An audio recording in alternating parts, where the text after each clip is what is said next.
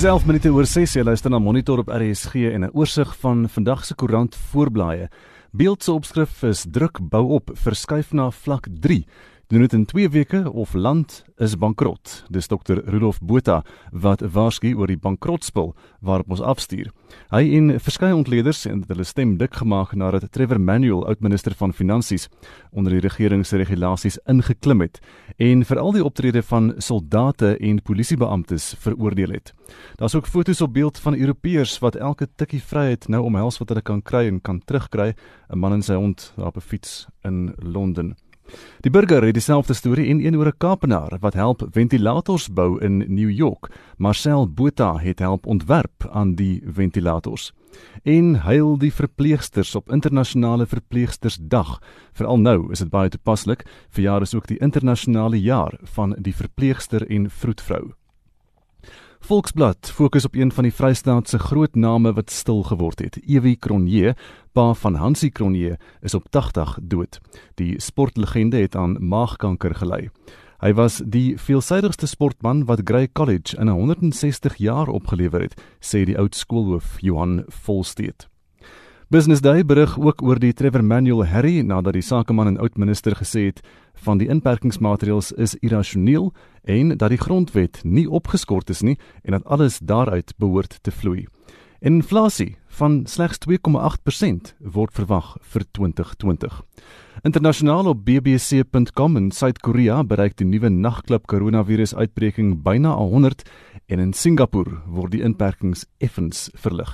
En dis gou 'n oorsig van vanoggend se nuus. Ouers sal ten donderdag weet wanneer hulle kinders moet terugkeer skool toe. Die minister van basiese onderwys sê die netelige saak gister met verskeie belanghebbendes bespreek, maar hoe voel jy daaroor om jou kind terug te stuur skool toe? Gouer beter of sou jy eerder wou wag?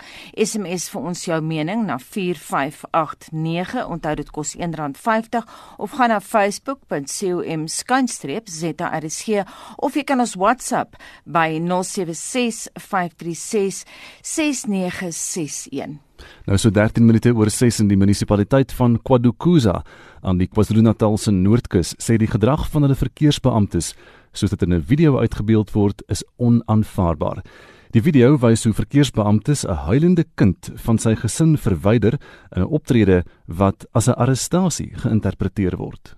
Die video wys hoe twee verkeersbeamptes in die uniform van KwaDukuza 'n kompleks binnegaan en in 'n striweling met die gesin van Shakas Rock naby Baleto Bay gewikkel raak. Get your hands off of his truck!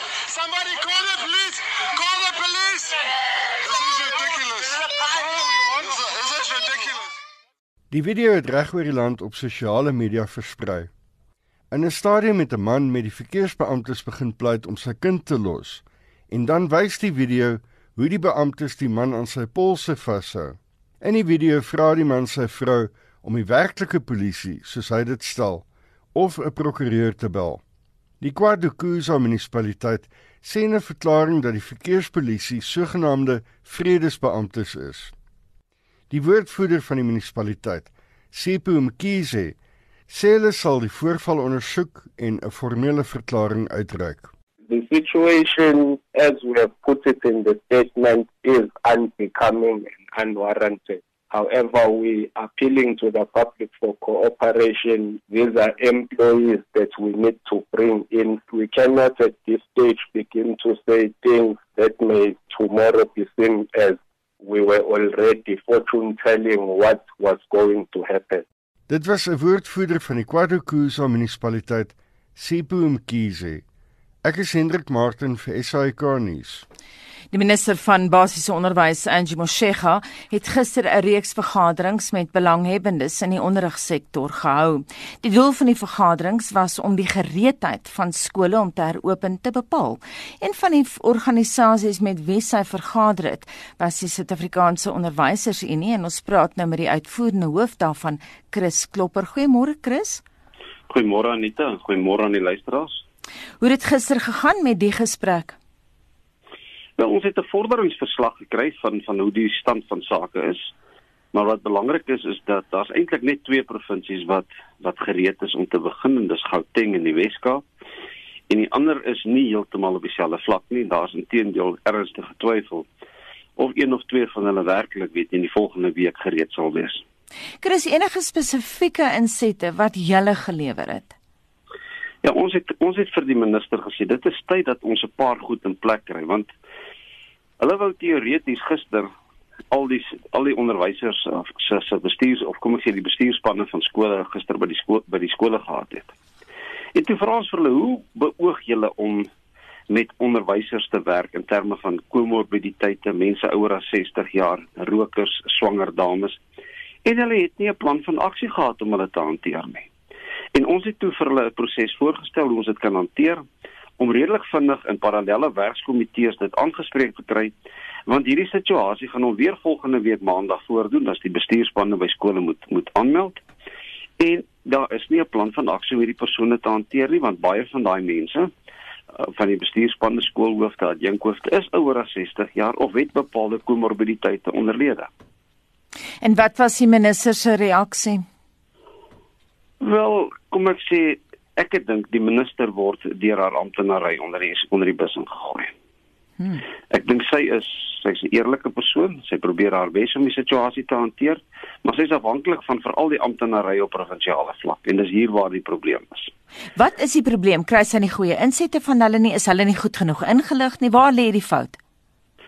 Wel, ek dink kom ons wees eerlik daaroor en dis die olifant in die kamer. Ek dink nie hulle het die vermoë om baie van die goed te doen nie. Ek dink die die enormiteit van die van die van die probleem op die tafel is is vir hulle dink ek intimiderend. Ehm um, daar was 'n sentrale bestelling geplaas van die persoonlike beskermingstoerusting en dit is gekanselleer want die lewerancier het doodgewoon gesê dit is te groot, hulle weet nie hoe om dit te hanteer nie en dit moes te weer geplaas geword het. En jy praat van die lewering van 27 miljoen maskers, jy praat van 10 miljoen elektroniese skandeerders en sanitasiepakkette. En ek dink uh, die grootte van die projek is is intimiderend vir van die provinsies. Sou julle dus wou wag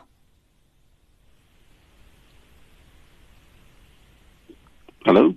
Sou julle dus wou wag, Chris? Nee, kom ek sê ons ons wil graag hê dat kinders so vinnig as moontlik terugkom in skole.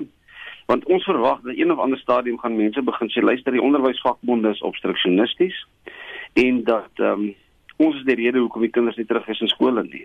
Maar ons het nie 'n keuse as om te sê dat die veiligheid van personeel en van van kinders is van die grootste belang. As ons dit nie doen nie, gaan ouers vertroue verloor en gaan hulle nie hulle kinders stuur nie. So ons dink dis 'n parallelle proses wat hulle so vinnig as moontlik al hierdie goed in plek moet kry. En hulle moet die hande wat vir hulle aangebied word om hulle te help moet hulle aanvaar want soos dit nou aangaan is dit eintlik op pad na doodloopstraat toe vir van die provinsies. Maar almal is nou in die duister. Wat gaan nou gebeur? Wel dis een van die groot probleme. Ons het gister vir die minister gesê want een van die skyfies wat hulle ons voorgehou het, wys hulle hulle kommunikasieprogram. Hulle het dit nou geklassifiseer as rooi, oranje of groen maar die kommunikasieprogram is toe as groen aangedui vir al die provinsies. En dit is uitgelig aan haar om te sê luister, dit is die van alle waarheid ontbloot. Niemand weet wat aangaan nie. Die vakbonde is tot 'n groot mate in die duister van die provinsies is in die duister. Um die groot probleem lê by lê by kommunikasie. Praat met ouers, praat met kinders, maar praat ook met met die opvoeders en die personeel by skole sodat almal kan weet wat aangaan en hulle toe aanvaar om te sê goed hulle hulle kommunikasie is nie op standaard nie en dat dit aandag sal geniet in die volgende rukkie maar weer eens die probleem is dit is 'n groot projek en dit lyk nie of daar genoeg hande is nie of daar's nie genoeg bekwame hande om dit te hanteer nie Baie dankie en so sê die uitvoerende hoof van die Suid-Afrikaanse Onderwysers en die Chris Klopper. Dis 20 minute oor 6 op monitor enkele verkeersinsidente in Pretoria op die N14 suid, 'n botsing net na die Eufeesweg afrit, so verkeer is stadig in daardie omgewing, ook Kaapstad die N2 inwaarts en die N1 inwaarts. Uh, verkeer staan op pad na die N7 Jakes Gerwel uitgang toe en ook die uh, op pad na Marine Rylaan se afrit toe. So wees versigtig en uh, uh, kyk maar daar's uh, jy moet ekstra tyd gee as jy in die verkeers vassit vanoggend veral daar in die Kaap op pad in na die stad se kant toe. Ons kyk nou na die sake. Die sakeverslag word aangebied deur Tian Eberson van PSG Wealth Pretoria Oos. Môre Tian. Goeiemôre. Die aantal COVID-19 gevalle het wêreldwyd tot 4,2 miljoen gestyg, met bykans 1,4 miljoen gevalle in die VSA. Spanje het die meeste infeksies in Europa, gevolg deur Italië en Frankryk. Groot toename in infeksies in veral Duitsland en Suid-Korea en vrese vir 'n sogenaamde tweede golf van COVID-19 infeksies plaas druk op wêreldmarkte. Die S&P sluit gister net net in die groen, 0,01% hoër. Die Nasdaq sluit 0,8% hoër en die Dow Jones 0,4% laer. Tegnologie aandele vaar goed soos Microsoft met 1,1% hoër en dan ook farmaseutiese maatskappye soos Merck en Pfizer onderskeidelik 2 en 2,3% hoër. Die JSE sluit gister 1,5% in die rooi. Laer hulpbronne, finansiële aandele en eiendomse aandele plaas druk op die beurs. Die finansiële indeks sluit 3,9% laer en die hulpbronne indeks 5,1% laer. Van die wenners egter was Prosus en Self32 met ongeveer 4% hoër en Vodacom 3,4% hoër. Van die groot verloders was Resilient 9,3% laer, Northern met 8,4% laer en Anglo, Redefine en Capitec almal rondom 7% laer. In Europa het die markte gister aanvanklik positief beweeg weens optimisme oor die verslapping van inperkingsmaatreëls, maar val later egter weer terug. Die FTSE in Londen sluit bykans 0,1% hoër, maar die Duitse DAX sluit 0,7% laer. Die Franse CAC 40 verloor 1,3%. In die hoogste vanoggend is die Nikkei 0,3% laer. Die Hang Seng in Hong Kong verhandel tans 1,6% laer met Tencent sover 1,2% in die rooi. In Australië is die ASX vanoggend 1,4% laer met BHP 4,5% laer. As ons kyk na hulpbronne, Brent olie verhandel teen 27 dollar 50 per vat. Goud verhandel teen 1700 dollar per fyn ons en platinum verhandel teen 769 dollar per fyn ons. Op die valutamarkte verhandel die rand bietjie swakker teen van die vernaamste geldeenhede. R18.46 vir Amerikaanse dollar, R22.73 vir 'n Britse pond en R19.93 vir 'n euro. Dit is al van my kant af sterkte vir die dag wat voorlê. En dit was dan die sakeverslag aangebied deur Tian Ebersoon van PSG Wealth Pretoria Oos. Navidra jy in tye van onstuimige markte, tesame met 'n wêreldpandemie as jou betroubare finansiële raadgewer. Die spanadviseurs by PSG Wealth Pretoria Oos het die nodige kennis en ervaring om jou te adviseer rakende persoonlike aandeleportefeuilles, aftreebeplanning en beleggings. Besoek psg.co.za vorentoe streepie Pretoria Oos vir meer inligting en kontakbesonderhede. PSG Wealth Finansiële Beplanning is 'n goedgekeurde finansiële diensverskaffer.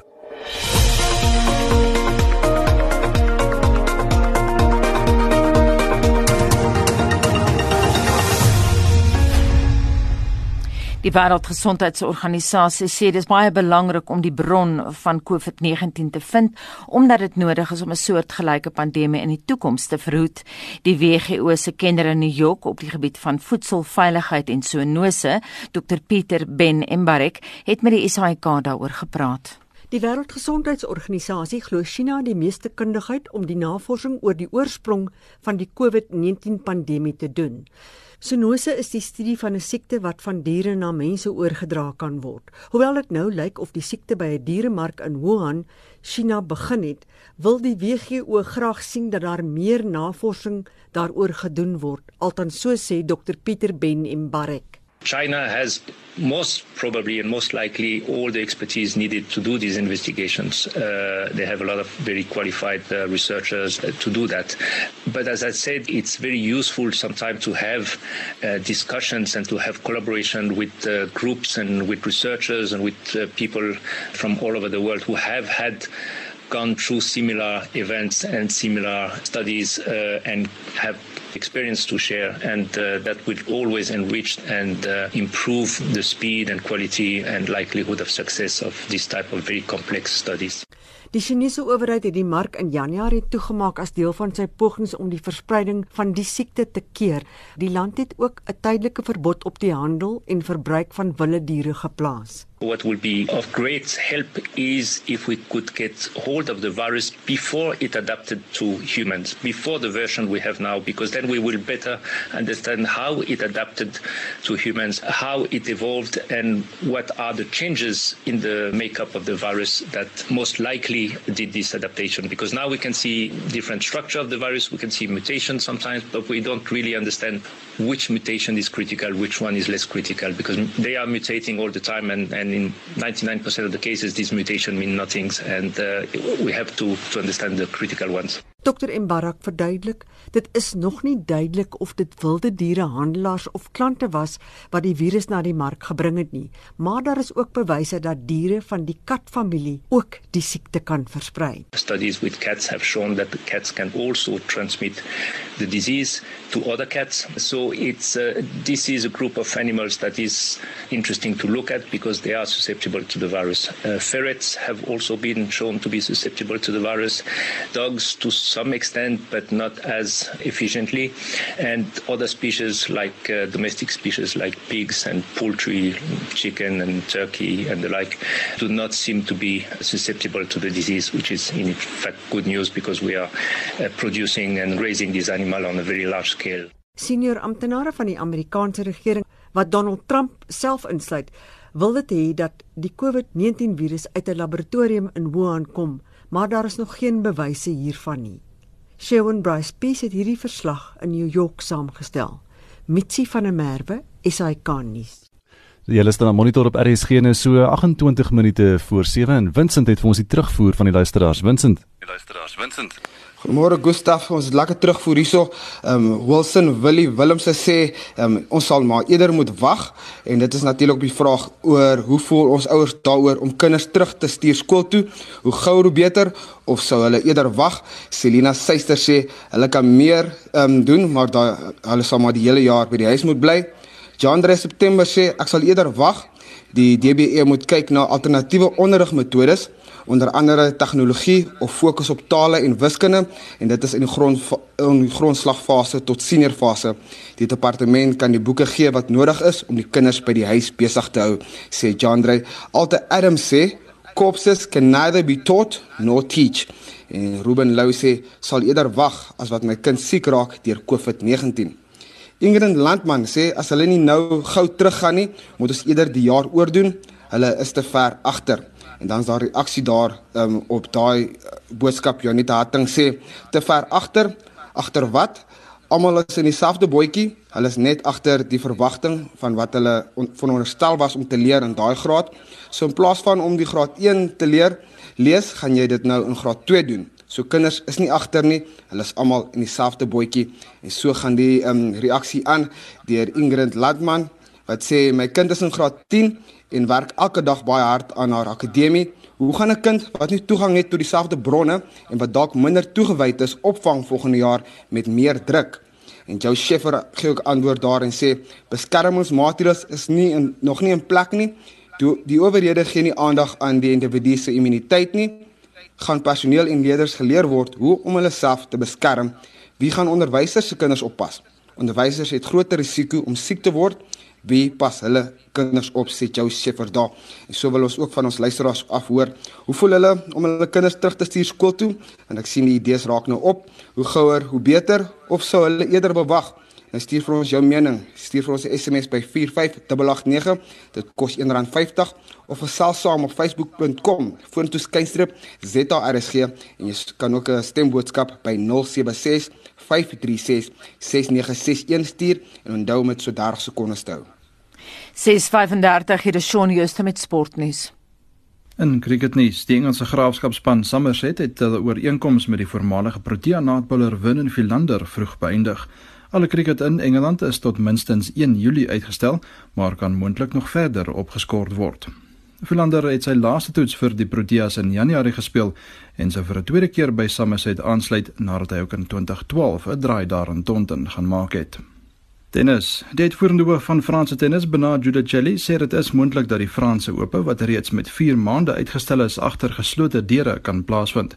Die Franse Tennisfederasie het alle kaartjiehouers vir die toernooi in Mei terugbetaal en nie al kaartjies na die toernooi in September oorgeplaas nie.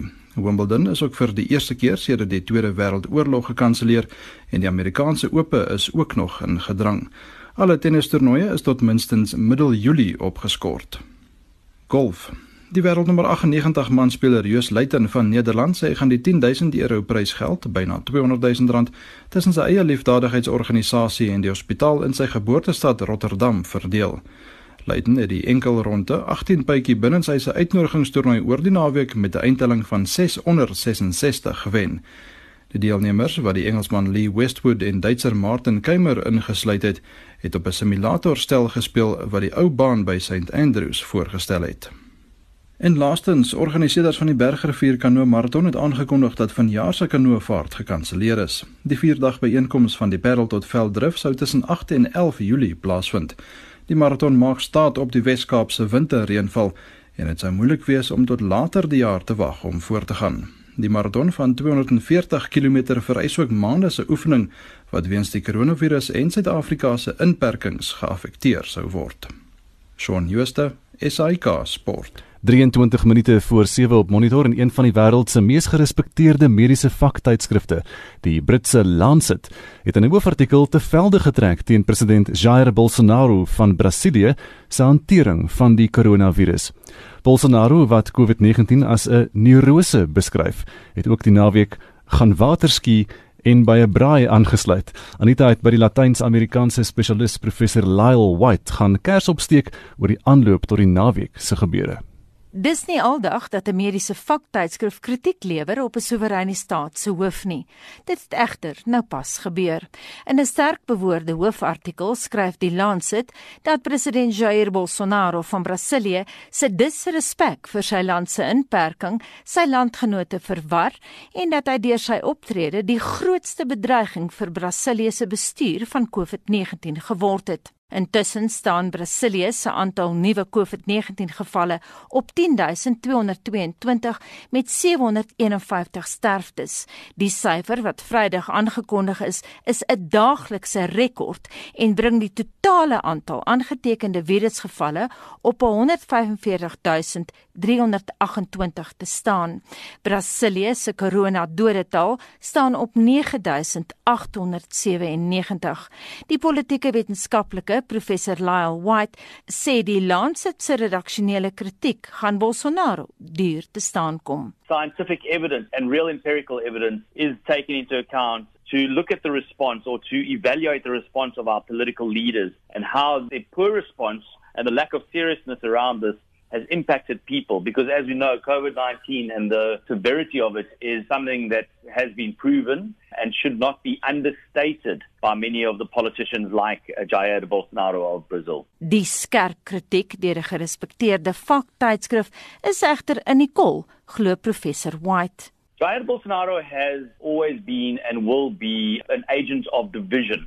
He is a populist and he has used COVID 19 to spread division across Brazil, where we have seen literally thousands dying from the virus, and obviously as the virus spreads like wildfire across the country. You know, last week, apart from having braais with some of his supporters, he was also conducting a massive gathering where hundreds gathered outside of the presidential palace. They were calling, incidentally, for the return of military rule in the country and an end to the quarantine measures that were imposed to stem the spread of the novel coronavirus. All the while, Bolsonaro was cheering this on, not only encouraging the mass gatherings of people, his supporters, in fact, that would contract the virus. 'n Vooraanstaande Brasiliaanse senator, Umberto Costa, het sy president as ellendig uitgekry. Boonop het sy uitlatings Jair Bolsonaro 5 miljoen Twitter-volgelinge gekos. Die Brasiliaanse media het ook gefrons oor hulle landsleier se gewaterskeery die naweek. Die joernalis Fabio Victor het in die tydskrif Paui Bolsonaro se watersportaktiwiteite as 'n doodswens beskryf. Die vooraanstaande YouTuber en akteur Felipe Neto, wat meer as 11 miljoen Twitter-volgelinge het, het sy landgenote aangemoedig om hulle misnoë in president Bolsonaro te toon. Dit alles gaan die president polities punte kos, waarsku professor Lyle White. What we are seeing is a slow unraveling and collapse of the Bolsonaro government. He has lost his most credible members of his cabinet, that being the health minister and, of course, Sergio Moro, the justice minister, who opposed him publicly on these issues that are related to the coronavirus. Vanuit Buenos Aires was die boodskap kort, kragtig en krities. Jy oorleef nie die dood nie. What is interesting from this is how Argentina has handled this, and under the new leadership, the newly appointed President Alberto Fernandez, he has in fact united a country that is always fragmented on political lines. He has united them behind coronavirus to the detriment of the economy. But we'll see, only time will tell how deep the economic cut will be. And that's why they reference the recovery from death, which is impossible. Ironies genoeg is die land wat die eerste koronageval in Latyns-Amerika aangemeld het, ook die een staat wat die pandemie besonder goed bestuur. One example being Costa Rica. Costa Rica is probably going to go down as one of the great success stories that has emerged out of the, the COVID 19 coronavirus crisis. It is a country where the first COVID 19 case was detected in Latin America. It's a nation of 5 million people. It's not very different to other developing nations with one doctor for a thousand people. By the 6th of May, Costa Rica had reported 755 cases of COVID 19 and only six deaths. This places Costa Rica on a par with New Zealand, which is widely regarded globally as a paradigm for effectively managing the crisis. Selfs van binne Suid- en Sentraal-Amerika is daar lof vir die Costa Ricanese hantering van COVID-19. 755 aangemelde gevalle in vergelyking met Nieu-Seeland se 1500 gevalle en in Costa Rica staan die dodetal op 6 teenoor Nieu-Seeland se 21, sê professor Lyle White. it will go down as one of the great successes. And they also did close their economy and they closed off their borders to tourism, which is the mainstay of that economy. So the economy will contract, but by just 4% perhaps this year, 4 or 5%, through careful handling and a slow opening of the economy. This was done with a great deal of seriousness and early on in the pandemic outbreak. Professor Lyle White daar, senior direkteur by die Johannesburgse Sakeskool aan die Universiteit van Johannesburg. Verskeie soewereine state het van meet af aan voortgegaan met hulle daaglikse lewens asof die koronavirus glad nie bestaan nie. Trouwens in sekere lande soos Belarus en Malawi was daar hoegenaamd geen inperking nie ten spyte van voorgestelde riglyne deur die Wêreldgesondheidsorganisasie wat 'n onderafdeling van die VN is. Monitor het professor Henny Strydom, internasionale regskenner aan die Universiteit van Johannesburg gevra of daar stappe teen sulke state geneem kan word. Die WHO het geen uh, afdwingingsbevoegdheid nie. So dis 'n liggaam wat uh, beleid en aanbevelings formuleer vir state en wat dan met state saamwerk om dit te implementeer. As 'n staat nie daarby hou nie, is daar niks vir die Wêreldgesondheidsorganisasie daarin kan doen nie. Wat van die Veiligheidsraad? Ja, die Veiligheidsraad het die bevoegdheid altyd in terme van sy inherente bevoegdhede om 'n situasie te verklaar as onder andere as 'n bedreiging vir wêreldvrede. En daar was so 'n geval gewees met uh, Ebola in, in Wes-Afrika waar die Veiligheidsraad dit as sodanig verklaar het en dan uh, hang dit af van wat is die bewoording in die res van die resolusie om te bepaal watter verpligtinge op state geplaas word. So dit is die ander opsie wat tot die beskikking is. Die tweede opsie is natuurlik dat die regionale organisasie waarvan so 'n staat lid is, moet optree. So as dit in Suid-Amerika is, die organisasie van Amerikaanse state, kan teen sy lidstate sekere maatreëls aanneem en uh, of as dit in Afrika is, in geval van die Afrika Unie. So dit is die ander opsies wat bestaan. Wat het met Ebola gebeur destyds? Was daar enige spesifieke reëls verband daarmee? Wat uh, daar gebeur het is dat 'n beroep gedoen is uh, op uh, state om maatreëls te tref om te verhoed dat dit soort van verder uitkring en 'n werklike bedreiging word vir internasionale vrede en veiligheid. So dit hang af van hoe dringend so 'n situasie is, hoe sterk die bedreiging is ensovoorts en dit sal bepaal wat is die maatreëls wat die veiligheidsraad aanbeveel. Hoe dink jy gaan hierdie storie uitspeel? Wel as dit erger word, uh, sou 'n mens verwag in die lig van vorige ontwikkeling dat uh, dit 'n saak is wat op die agenda van die veiligheidsraad sal beland dan moet mense kyk wat is die besluit wat daar geneem word. Onthou net, enige saak wat voor die veiligheidsraad beland en waar 'n besluit gemaak moet word oor optrede, is onderworpe aan die veto van enigiemand van die vyf permanente lede. En onthou Rusland sit daar, nê? En Rusland het 'n ernstige probleem op hierdie oomblik met coronavirus en die bekamping daarvan. So as uh, een van daai state die veto reg uitoefen, dan is die veiligheidsraad self lank gelê en kan nie optree nie maar op hierdie stadium is alles wat ek nou sê natuurlik spekulatief. Ons weet nie wat gaan die verdere uitval wees van hierdie pandemie en uh, hoe die veiligheidsraad gaan optree nie. Sou mens enige stappe teen die Chinese kon neem? Wel, ek kan net stappe neem teen enige staat in terme van internasionale reg as daar 'n verbreeking is van 'n internasionale norm en dan moet jy jou soort van uh, klaar maak of jou reg maak dat jy die bewysmateriaal het of ernstige nalatigheid was of dat daar opset was. Is maar die gewone soort van elemente wat uh, bewys moet word alvorens teen 'n staat opgetree kan word. Op die stadium het ons nie die getuienis selfs van wat in in China gebeur het om 'n klinkklare besluit daaroor te maak nie.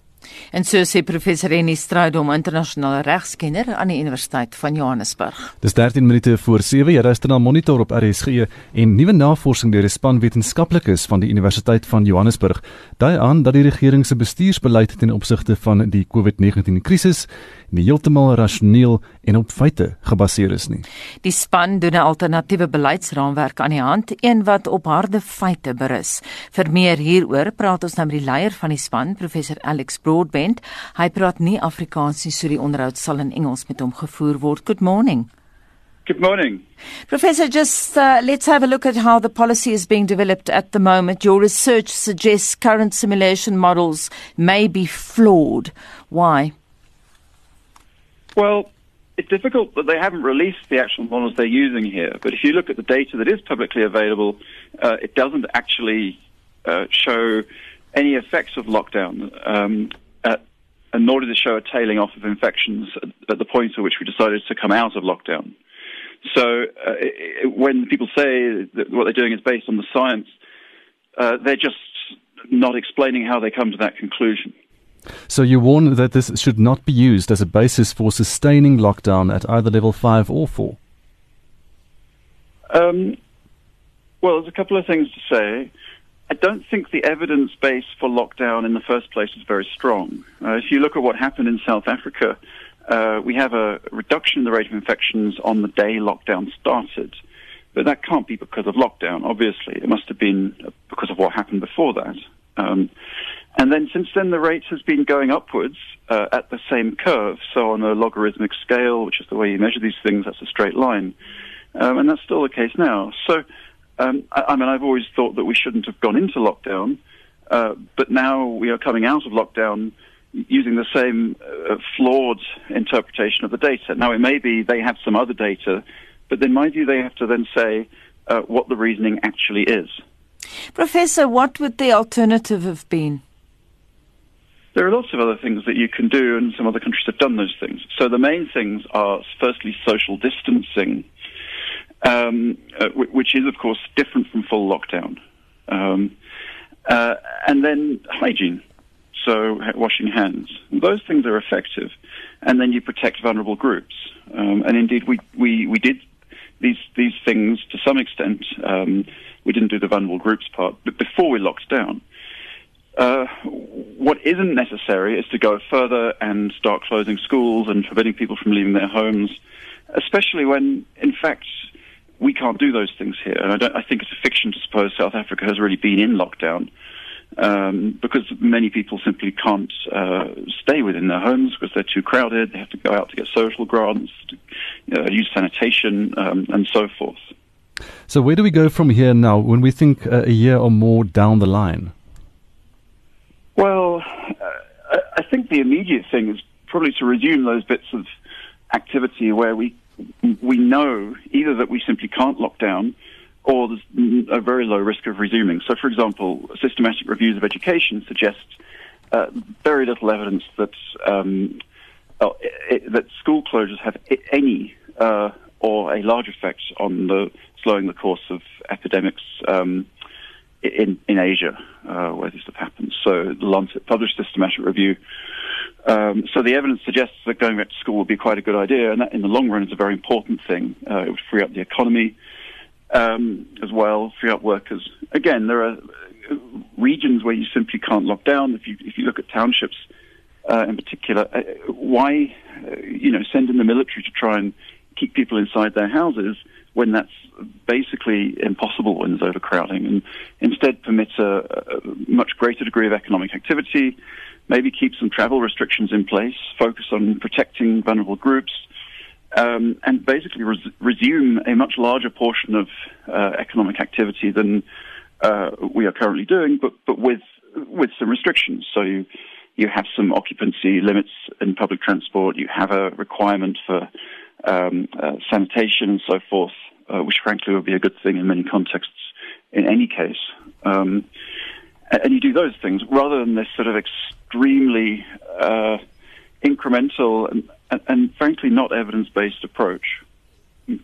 As jy pas met ons aangesluit het, ons praat ver oggend met professor Alex Broadbent, hy's uh, leier van 'n span wetenskaplikes aan die Universiteit van Johannesburg. Professor Broadbent, is there an international example South Africa could follow? We spoke earlier today about Latin America and Costa Rica has been doing very well. Hmm. Um, well, I know Sweden is a very different country, but the Swedish example is a good one. Um, tomorrow I will be speaking to the architect of the Swedish response chief scientist in Sweden in a in a webinar um, that I'm running at half past five. And what they're doing is exactly what I'm advocating. They're doing an uh, evidence-based approach, and they're using a, a, mitigation rather than a suppression strategy. They have seen more deaths uh, in the short term. Um, their argument is that they'll you'll see those deaths anyway because you can't uh, uh, uh, prevent the infection from spreading ultimately. So the big the big question is what are the longer term economic impacts? And of course, in a poorer country, uh, and for poorer people, the economic impacts can mean uh, impacts on mortality as well. Um, so I, I, would look to that kind of region rather than to uh, wealthy countries that simply lock down because they know they can afford to, uh, which is, I think, what has happened in some places. Um, but when we can ill afford to do the same thing. Uh, thank you so much. Dit was professor Alex Broadbent dan gewees van die Universiteit van Johannesburg.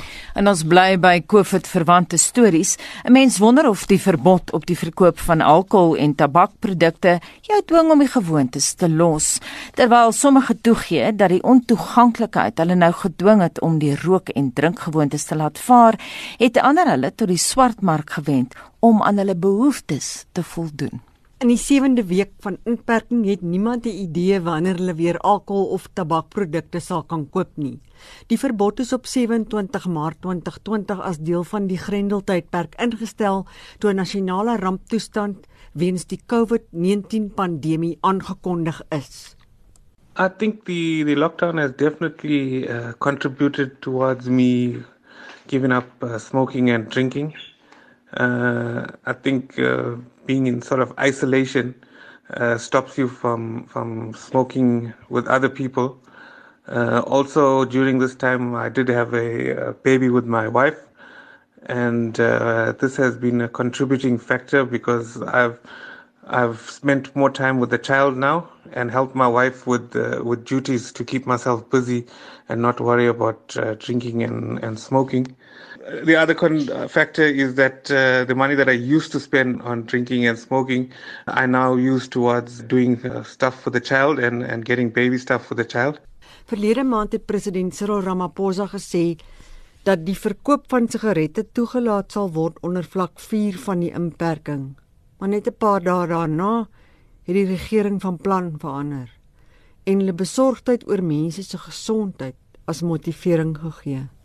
Die stap het 'n groot openbare reaksie ontlok met duisende rokers wat die regering skerp gekritiseer het. Maar vir Sikolulu Nkowa van Bredasdorp in die Wes-Kaap het die verlengde verbod om gedwing om op te hou rook. We were all, were all excited as smokers that on the 1st of May, eventually it will be back on the on, on each shop's shelves. But however, that didn't happen. So towards the end of April, I decided to myself, this is it.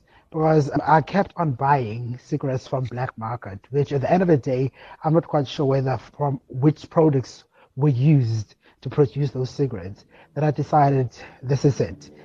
I am totally stopping. I'm I'm no longer going to smoke ever again. Koa sê hoewel dit moeilik is, kry hy maniere om nie te veel aan sy lus vir rook te dink nie. What like having like withdrawals. In the first week I was struggling to sleep because in, my body was used to before I go to bed, I'll let up a cigarette. In the morning, I'll let up a cigarette. So that was quite a challenge. I'm saving quite a lot of money because, like, in a week, I used to smoke more than five packets of cigarettes. So, totally, I'm saving quite a lot of money. And what helps me is being determined that I finally reached to that decision that I no longer want to smoke. And at the same time, if I feel like smoking, I'd rather eat like a sweet, chips, whatever the case might be. I also use one of those products, those bubblegum products that has a bit of nicotine in it. Um, I'll chew one um, in the morning and it will help me throughout the whole day. Terwyl sommige Suid-Afrikaners hulle ou gewoontes gestaak het, is daar die wat vasklou. Sarfaraas Nakuda van Durban sê die verbod breek nie sy spoed nie. I feel that it was a really stupid and silly decision by the government to take, and the fact that it just caught everybody by surprise. We didn't have a chance to prepare and buy extra cigarettes for the time, and we were also very uncertain whether the ban was going to be uplifted or not. And this uncertainty is really ridiculous by the government because they should have at least informed the people so we could have actually prepared better for this. The thing is, unfortunately, I'm not one of those people that was willing to give up smoking during this time. You can't expect people to just wake up all of a sudden and decide, okay, I'm going to stop smoking today. It doesn't work like that. Nakuda, soos duisende ander rokers, sê hy ondersteun die slykhandel om sy gewoonte te onderhou. Unfortunately, I had to purchase cigarettes from the black market and paying double the price. Whereas I usually pay about 45 bucks for a pack of 20 pack cigarettes, now I'm paying about 70 to 90 bucks for the same pack of cigarettes, which is ridiculous. Um, the government is, as I said, very, very silly because the fact that the government now does not make money on taxes to the sale of cigarettes because they feel that the ban on cigarettes will not uh, allow people to get cigarettes, but cigarettes are still being sold and it's still readily available in every part of the country. Die geregistreerde beraader Banetsi Mpunga sê die streng maatreëls hou ernstige gesondheidsrisiko's in vir die wat gereeld alkohol en tabakprodukte gebruik. Mpunga voeg by dat mense wat skielik hulle gewoontes moet staak, die risiko loop om neerslagtig te word. Some people currently are experiencing exacerbated anxiety related to not having consumed the substance and their chances of uh, being uh, diagnosed with full depression they were heightened. Now, if the things that they use to suppress their emotions are not being sold, uh, exposing them to this predisposition of anxiety and many other psychiatric mental health issues and physical issues as well. 'n Geregistreerde beraader, Banetsi Mpunga, Session Naidu het hierdie verslag saamgestel. Mitsi van der Merwe, SAK nuus. Vincent, wat sê daai terugvoer? Gert sê die regering maak planne om 'n bondel energie wat van nature aan mekaar raak en stamp en speel terug te stuur skool toe met groot gevaar van siek word, maar kerke moet toebly wat nie gevaar het om siek te word nie. Wat 'n grap, sê Gert hierso. Sherinel sê wag eers en dan sê Connie Beileveld bly by die, bly by die huis. Wag, kinders gaan wintertyd in skoolklere moet daagliks gewas word. Geen kind gaan 6 ure agter maskers sit sonder om aan hom te vroetel. Afval of opsit van maskers tydens voedingsskema is bitter groot risiko. Alle lande se kinders is heel laaste toegelaat om weer skool te gaan. Ouers moet mooi dink voor hulle vir hulle laat besluit oor hoe kinders voel. Dit kom van anoniem van anoniem af Anita en luisteraars kan aanhou saamgesels om vir ons hulle SMS te stuur en gesels saam op Facebook ook. Bly ingeskakel 'n bietjie later praat ons met die tabakbedryf. Dit bring ons by 7:00.